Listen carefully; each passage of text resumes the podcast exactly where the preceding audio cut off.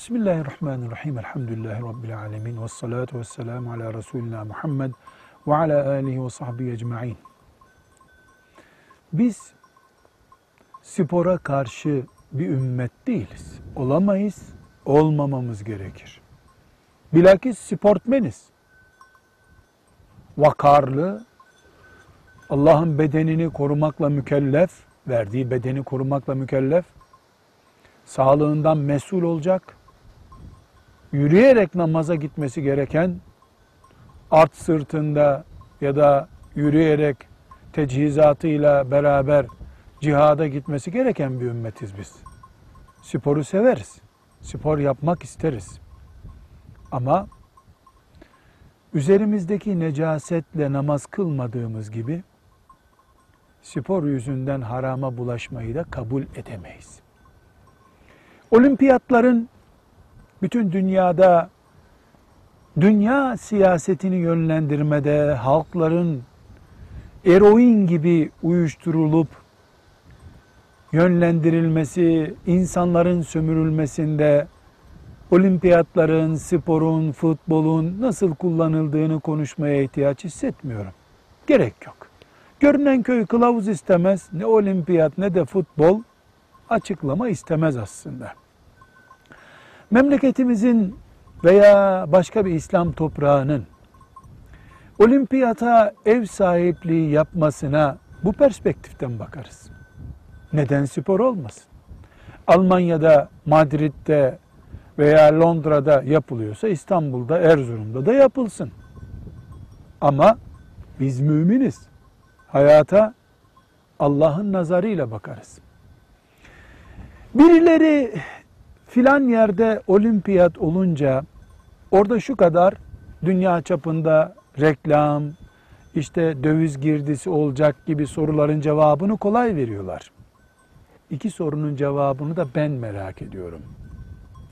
Bir olimpiyat kaç bin sporcunun sadece bir şehire girmesi demektir. Ve onlara tapınan kaç yüz bin insan. Bunları konuşmuyoruz. Spora feda ettik. Allah için bir olimpiyat, mesela bundan önceki olimpiyatın yapıldığı yerde kaç ton alkol kullanımı demektir? Bir de bunu sorabilir miyiz lütfen? Bir olimpiyat, yüz şişe, bin şişe, on bin şişe demiyorum. Kaç yüz bin ton bira tüketimi demektir. Zaten birahaneye dönen İstanbul sokaklarında olimpiyat olacak olsaydı alkol ne kadar tüketilecekti? Bu sorunun cevabı var mı Allah için? Değer mi yüz binlerce litre alkol tüketmeye 30 gün dünya basınında gündeme gireceğiz diye. Mümin şuurlu düşünür. Sevgi gözümüzü kör etmemelidir. Para idarecilerimizin gözünü kör etmemeli. Oy idarecilerimizi körleştirmemeli.